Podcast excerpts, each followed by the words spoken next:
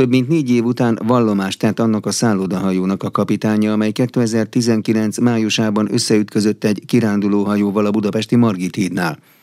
A katasztrófában 27-en haltak meg. A viking kapitánya azt állítja, nem látta a hableányt, azt hitte, hogy egy uszadékfának mentek neki. Herceg Zsolt összefoglalója. 2019. május 29-én este 9 óra után néhány perccel a svájci Viking vállalat 135 méter hosszú szállodahajója a Margit híd Pesti oldalhoz közeli pillérénél összeütközött az előtte és vele egy irányban haladó Hableány nevű 27 méteres sétahajóval, amely felborult és 7 másodperc alatt elsüllyedt. 35 utasából 27-en meghaltak, 25 dél-koreai turista és a két fős magyar legény legénység. A baleset idején sötét volt és zuhogott az eső, a Duna pedig áradt, de hajózási szempontból nem minősült extrémnek az időjárás, nem volt például köd, ezért a vízügyi hatóság nem rendelt el zárlatot. Az ügyészség vízi közlekedés halálos tömegszerencsétlenséget eredményező gondatlan veszélyeztetésével és 35 rendbeli segítségnyújtás elmulasztásával vádolja a Viking házi őrizetben lévő 65 éves ukrán kapitányát, aki több mint négy évig nem tett vallomást. Ehhez joga van, mondta korábban az Inforádióban Sógor Zsolt ügyvéd, a hableány tulajdonosának jogi képviselője. A kapitány egyértelműen elmondta, hogy nem látta a hableányt, saját magára nézve nem köteles terhelő vallomást tenni. A per már évek óta húzódik. Ennek okáról korábban Szabó József Tamás, a fővárosi törvényszék szóvivője nyilatkozott az Inforádióban. Nehezítette korábban a eljárás. A pandémia okozta bírósági ügyeknek a megakadása, valamint az is, hogy a külföldi tanúk, a hajón utazó túlélők, illetve azok a személyek, akik kívülről látták az eseményeket, azok sem tudtak megjelenni a bezártság miatt. Több mint négy év után Juri Csaplinski most mégis vallomást tett, amit a bíróság olvasott fel. A több mint 40 éve hajózó, a keddi tárgyaláson megtörtnek mutatkozó kapitány azt állítja, hogy nem látta a hajót, és azt hitte, hogy uszadékfának ütköztek.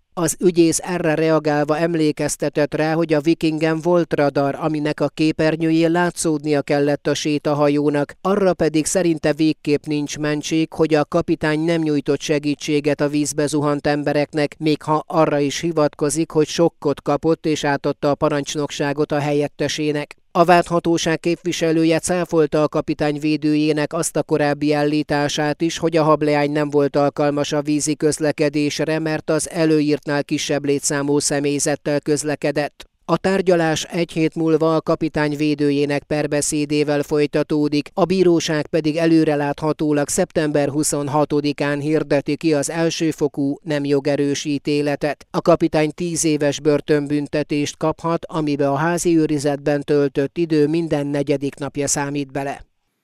Az idei nyári viharszezonban a biztosítók a lakásbiztosítási szerződések alapján csak nem 110 ezer bejelentésre több mint 13 milliárd forintot fizettek már ki, vagy tartalékoltak a károk kifizetésére.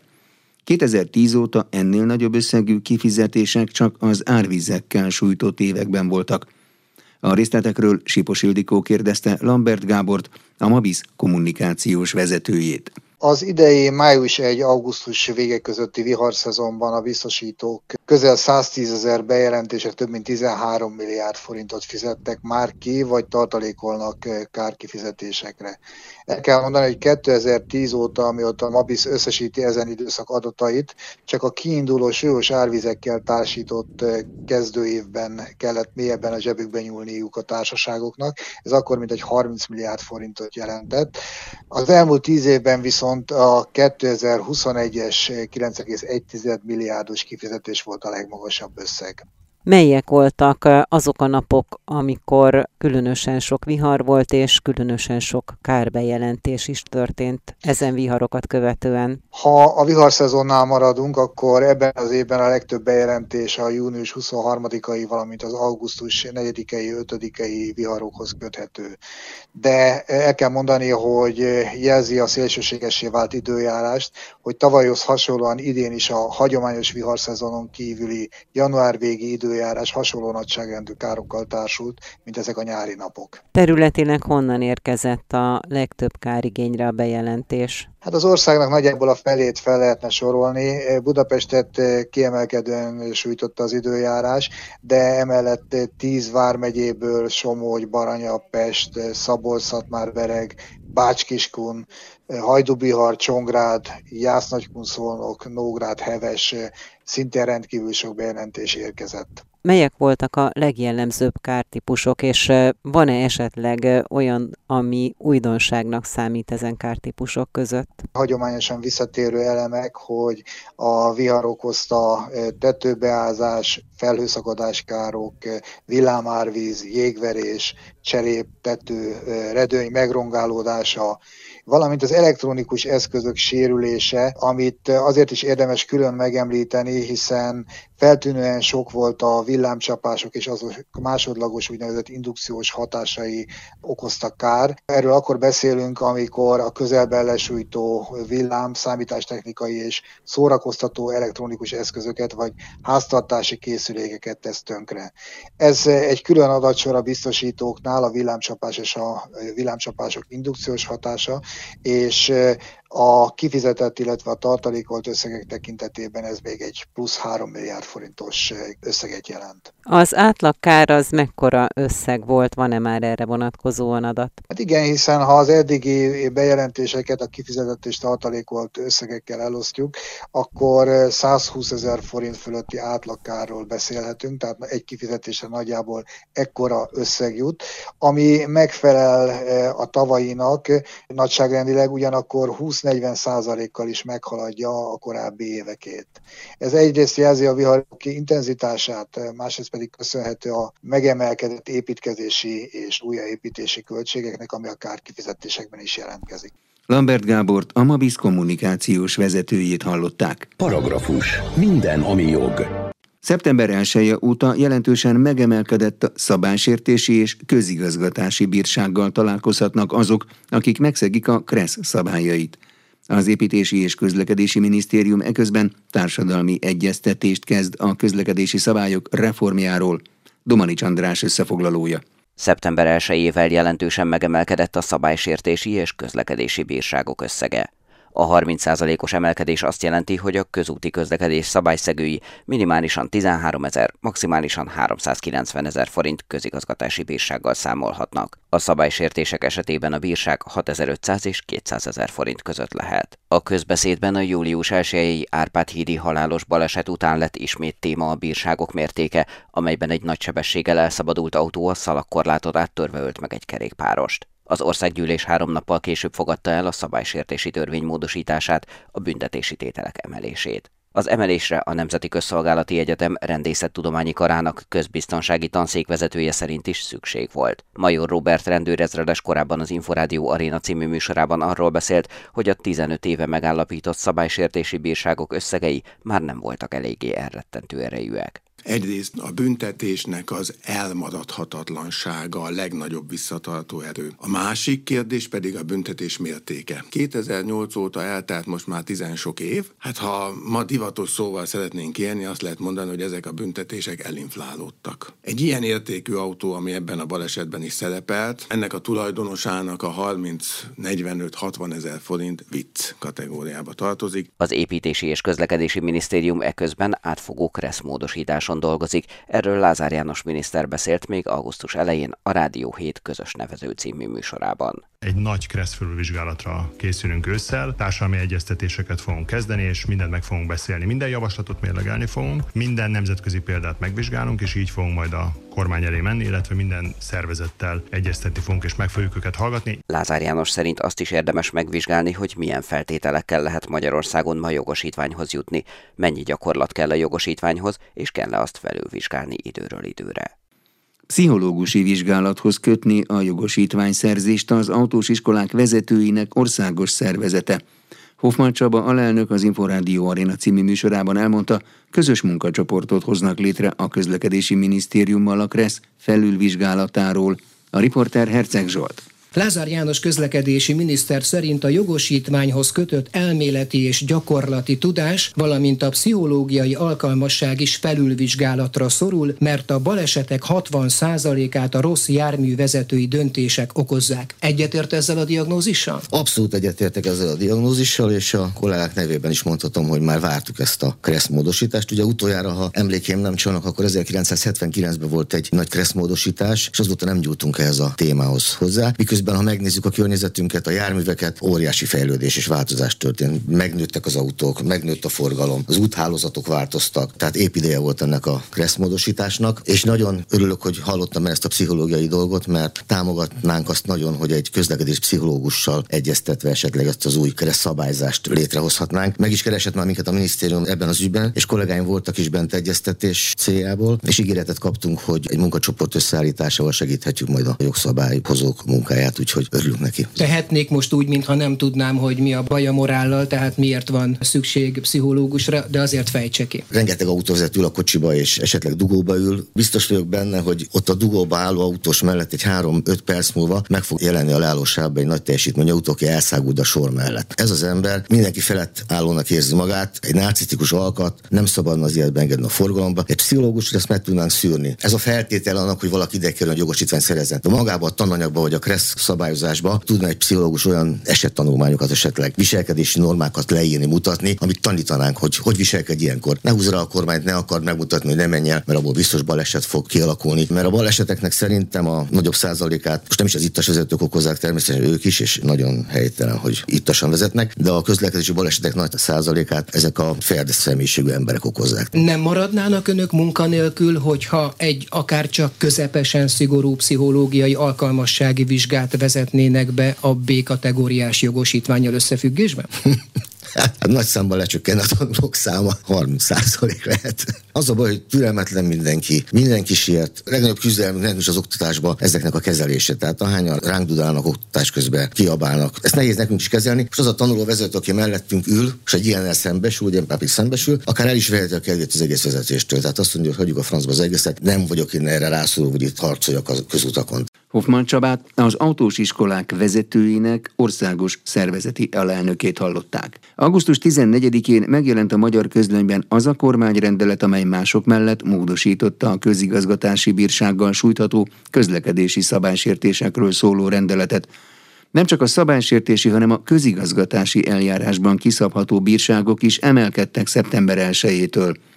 A bírságok mértéke több területen is változott, például piroson áthajtani szeptembertől 65 ezer forint közigazgatási bírságot von maga után.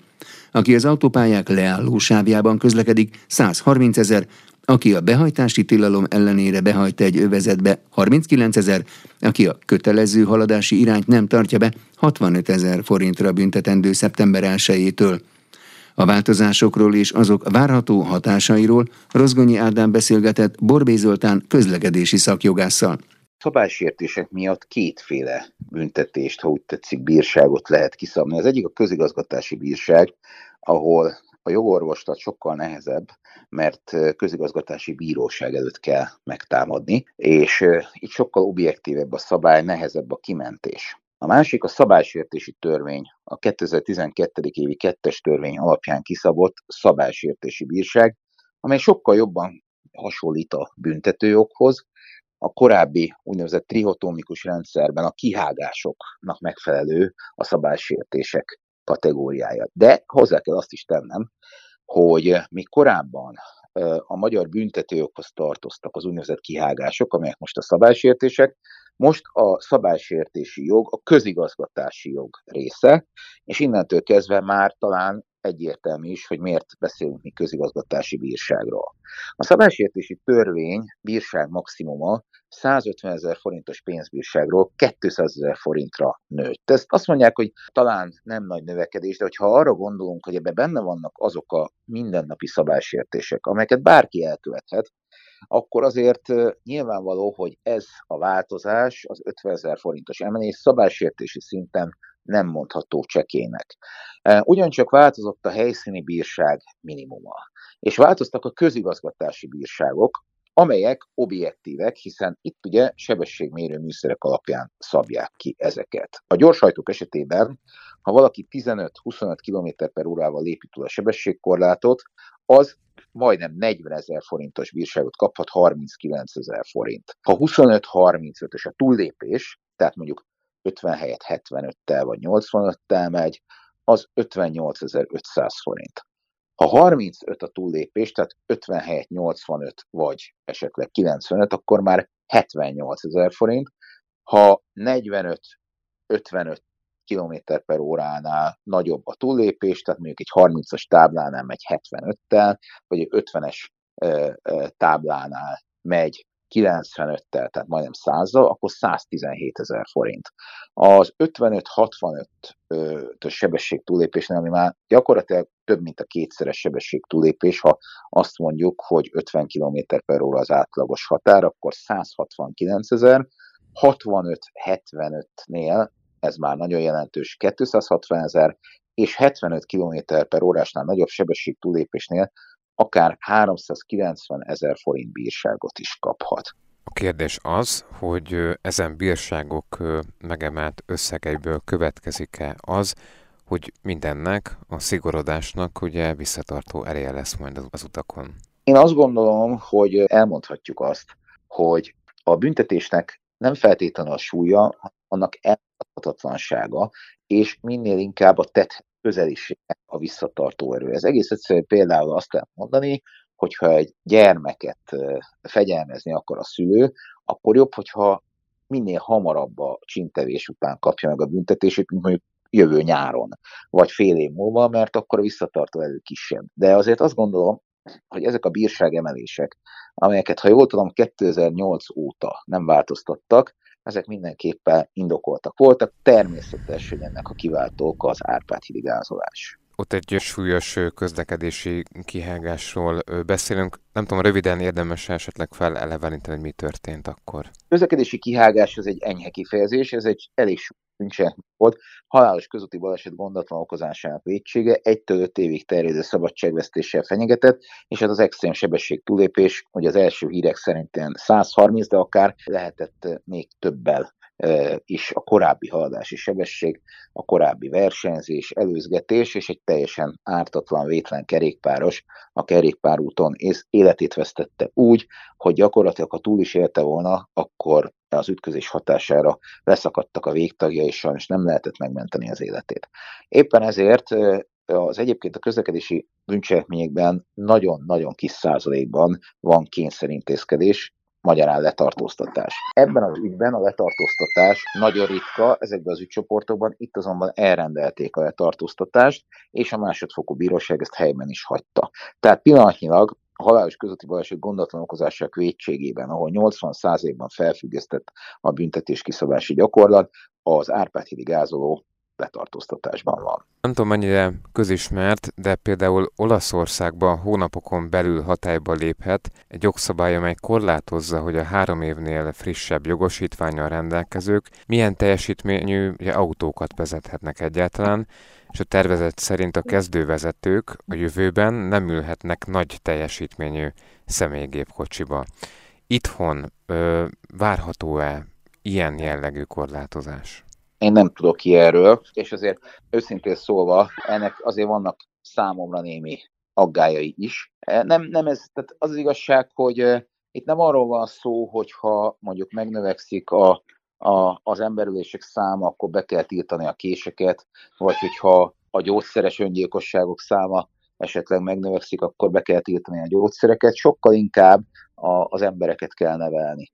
Tehát az, hogy a három éves jogosítványjal rendelkezőket Olaszországban korlátozzák, hogy nagyobb teljesítmény autókat vezessek, egyrészt mi az a nagyobb teljesítmény, másrészt pedig ez nyilvánvaló, hogy, hogy egy lehet egy fontos intézkedés, de én azt gondolom, hogy, hogy Magyarországon ennek túlzott realitása nincsen.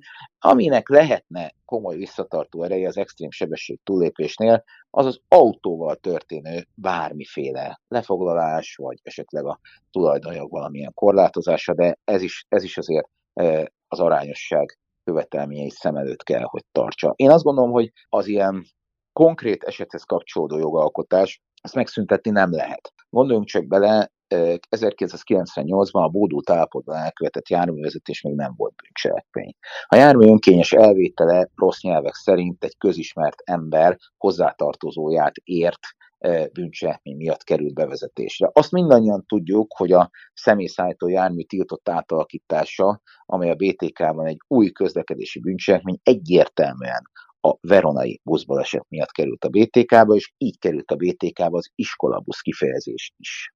Hát igen, sok minden változik, de ugye ezt szokták mondani, hogy a, a jogalkotás viszonylag lassan követi a, a változásokat, már mint a társadalmi jellegűeket, vagy ugye hát ő lassabban készül egy jogszabály, mint amelyre talán akkor éppen akkor ő igény mutatkozna. Szerintem most éppen hogy gyorsan követte. Tehát a szeptemberi változása a bírságoknak, a, a nyári változása a szabálysértési törvény maximális pénzbírságának pontosan az Árpád-hídi gázolásra reagálva történt, és Kovács Tamás egykori legfőbb ügyész, sajnos már nincs közöttünk, neki volt egy nagyon találó mondása, azt mondta, hogy nem vagyok híve a hirtelen felindulásból elkövetett jogalkotásnak. Ettől függetlenül azt persze mindenkinek tudni kell, hogy a társadalom, a törvényhozók, a jogszabályalkotók reagálnak a társadalmi folyamatokra, minél több bűncselekmény történik egy bizonyos kategóriában, vagy minél több szabálysértés, ilyen például sebességtúlépés,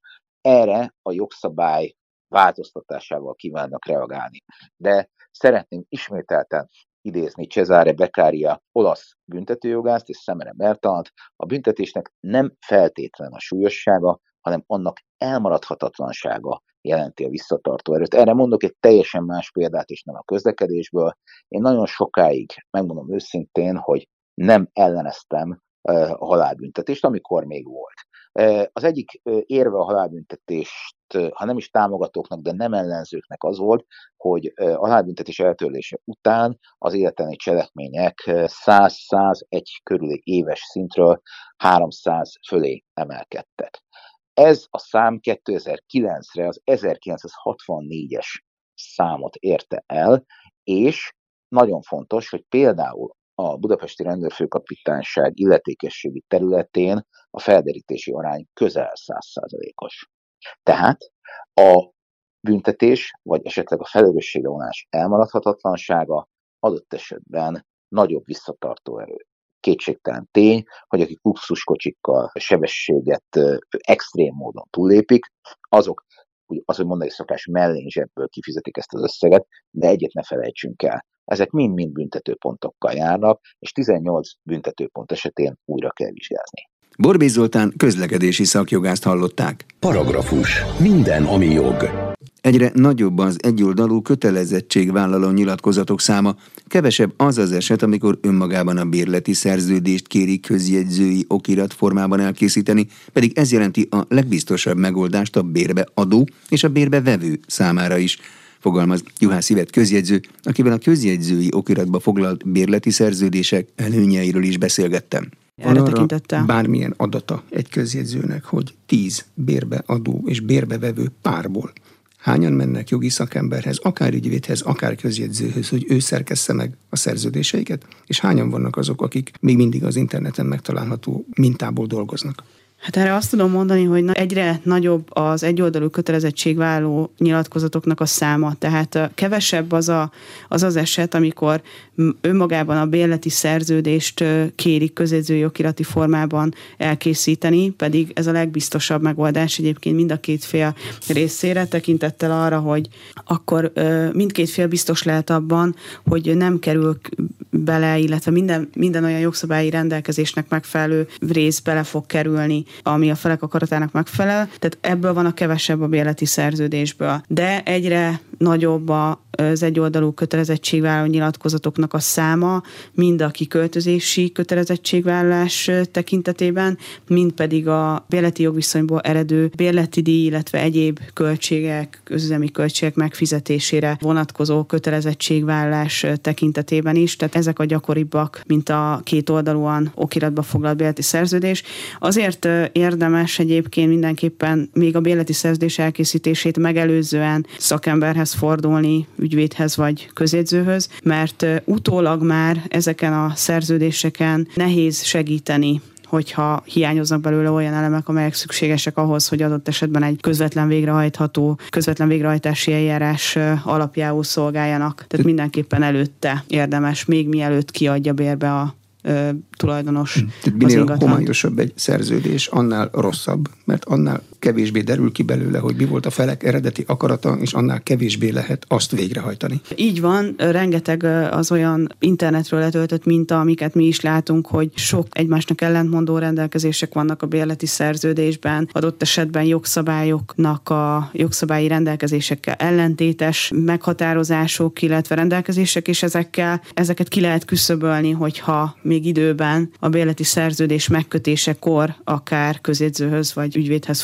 fordulunk. Említette, hogy a jogi szakértőnek, ügyvédnek, közjegyzőnek van egy kioktatási kötelezettsége. Van-e arra nézve kötelezettsége a közjegyzőnek, hogy a felek közötti erőviszonyokat kiegyenlítse. Vagy ez már a felek akaratába való belenyúlás volna? Az ügyvédi körben a jogi tanácsadáshoz képest a közjegyzőnek ugye nincs arra lehetősége, hogy tanácsot adjon egyik vagy másik félnek, mert kizárólag kioktatási kötelezettség mellett a feleknek a, tehát pártatlanul, függetlenül pártatlanul jár el a közjegyző a felek akaratának, jogainak, kötelezettségeinek, a jogainak gyakorlása kötelezettségeik teljesítésének a kötelezettségeinek kötelezettségeknek a teljesítése körében fontos, hogy pártatlan jogszolgáltatás biztosítson. Pontosan emiatt semmiképpen nem lehet részrehajló, nem hajlíthatja a közjegyző a felek akaratát, hanem az a feladatunk, hogy kioktatási kötelezettségünk körében a jogszabályi rendelkezésekről tájékoztassuk a feleket, és amint közös akaratra jutnak egy véleti szerződés meghozatala kapcsán, akkor azt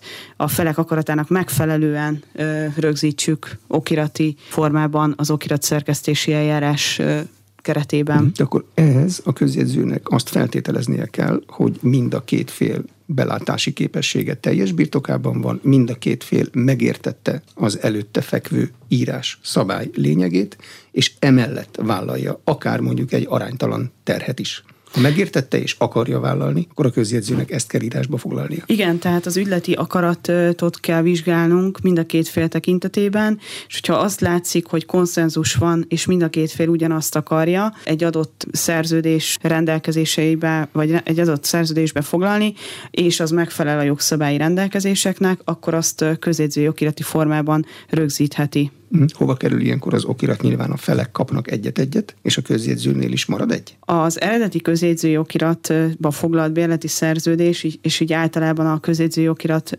eredeti formája, az a közjegyző őrizetében marad, és a közjegyző úgynevezett hiteles kiadmányt bocsáthat ki ebből az eredeti közjegyzői okiratból a feleknek korlátlan számban, illetve a felek határozhatják meg azt, hogy kinek. A hiteles kiadmány ilyen nyomó bélyegző van rajta? Vagy ezt hogy kell elképzelni fizikailag? Fizikailag. Nincs száraz bélyegző, a minden közjegyzőnek van körbélyegzője, és természetesen vannak alaki kellékek, amit a közjegyzői törvény előír, ilyen például a bélyegzőnek a lenyomata, a közjegyzőnek az aláírása, az eredeti okiraton a közjegyző aláírása mellett a felek aláírása, vagy adott esetben, hogyha vannak úgynevezett segédszemélyek, például ügyleti tanú, akkor az ő aláírásukat is kell tartalmaznia, és a hiteles kiadmány az megegyezik az eredeti közjegyzői okirat szövegével teljes egészében. Tanú kell ehhez, ha valamit közjegyző előtt csinálnak? Nem kell tanú egyáltalán. Juhász Ivettet Budapest harmadik kerületének egyes számú székhelyén működő közjegyzőt hallották. Paragrafus. Minden, ami jog. A gazdasági versenyhivatal figyelemmel kíséri azoknak az üzleteknek a gyakorlatát, amelyek egy-egy boltban csökkentik egyes termékeik árát, ezt az alacsonyabb árat jelentik az árfigyelőbe, de ettől eltérően sok üzletükben ennél magasabb árat alkalmaznak ugyanarra a termékre, mondta az Inforádiónak a gazdasági versenyhivatal kommunikációs vezetője. Sipos Ildikó kérdezte Horváth Bálintot. Egészen pontosan kettő hónap telt el azóta, hogy a Gazdaságfejlesztési Minisztérium és a Gazdasági Versenyhivatal szakmai együttműködésének eredményeként elindult az online árfigyelő rendszer, és az árfigyelő hatékonyságát jól bizonyítja, hogy az indulás óta a 62 termékkategóriából 55 termékkategóriában átlagosan 7%-kal csökkentek az árak. Július 1 óta az árak csökkenésének mindegy 0,6% pontos infláció csökkentő, illetve közel 2% pontos élelmiszerinfláció csökkentő hatása lehetett. Tehát jól látszik, hogy az árfigyelő működik, az egyedi látogatók száma már megközelíti az 1,2 milliót. Jellemző, hogy az árfigyelő rendszerben adatokat szolgáltató kiskereskedők egy része nem egységes, hanem boltonként eltérő árazást alkalmaz, és van olyan boltlánc, amelyik csak egy-két üzletében csökkentette egyes élelmiszertermékek árát, hogy az árfigyelő rendszerben a legolcsóbb legyen. A gazdasági versenyhivatal ezzel kapcsolatban arra hívja fel a figyelmet, hogy az árfigyelőt létrehozó munkacsoport már dolgozik azon, hogy ez a gyakorlat semmilyen módon ne vezethesse félre, ne tévessze meg a fogyasztókat. Az árfigyelőt kidolgozó munkacsoport, tehát a gazdasági versenyhivatal, illetve kormányzati tárcák megakadályozzuk, hogy a multik trükközni próbáljanak az árfigyelő rendszerrel, hiszen a közös célunk az, hogy az online árfigyelő használatával a vásárlók pénzt és időt spórolhassák meg, illetve a rendszer a lehető legnagyobb mértékben járuljon hozzá az árak csökkentéséhez. De mit tud kezdeni a gazdasági versenyhivatal ezzel a helyzettel? Tehát ilyenkor tudja szankcionálni ezeket a boltokat, üzletláncokat, vagy alapvetően ebben a helyzetben is arra számít, hogy tisztességes kereskedelmi gyakorlat szerint járnak el ezek a kereskedők, tehát hogyha csökkentik az árat, és ez van az árfigyelőben, akkor a boltok polcain is minden üzletben ez az ár lesz. Az önmagában nem tiltott, hogy a kereskedők, egyes boltláncok az egyes boltjaikban eltérő árazást alkalmazzanak. Az árfigyelőbe ugye hat kis kereskedelmi lánc szolgáltat napi szinten adatot, és vannak közöttük olyanok, amelyek minden boltjukban egységes árazást alkalmaznak országosan, és vannak olyan kereskedelmi láncok, amelyek eltérő árazást folytatnak. Az a legfontosabb, hogy ez a gyakorlat, ez semmilyen módon ne tévessze meg a fogyasztókat, és lehetőleg az árfigyelő rendszerből ne gondolják azt, hogy mondjuk egy termék gyáruházlánc minden boltjában a legolcsóbb, hogyha ez nincsen így. Ezért a gazdaság Gazdasági Versenyhivatal elsősorban a fogyasztók minél erőteljesebb tájékoztatásával dolgozik azon, hogy ez a gyakorlat ne vezesse félre a fogyasztókat, illetve a Gazdasági Versenyhivatal minden hasonló jelzést, fogyasztói megkeresést jelez a jogalkotónak, és olyan szabályokat, olyan részletszabályokat hozunk az árfigyelővel kapcsolatban is, amelyek megakadályozzák a jövőben ezt a gyakorlatot, hiszen az a lényeg, hogy az árfigyelő be tudja tölteni a hatását. Természetesen ezt a gyakorlatot is jelzi, jelezte a gazdasági Nemzeti Versenyhivatal a jogalkotónak, és lépéseket tesz, akár jogalkotási lépéseket is tesz annak érdekében, hogy az árfigyelőrendszer valóban be tudja tölteni a célját, egyes kiskereskedők pedig ne tudjanak trükközni az árfigyelővel. Horváth Bálintot a Gazdasági Versenyhivatal kommunikációs vezetőjét hallották. Paragrafus. Minden, ami jog. Jogi magazinnal legközelebb egy hét múlva jelentkezünk. Munkatársam Rozgonyi Ádám nevében is köszönöm figyelmüket, Nexterde Tibor vagyok.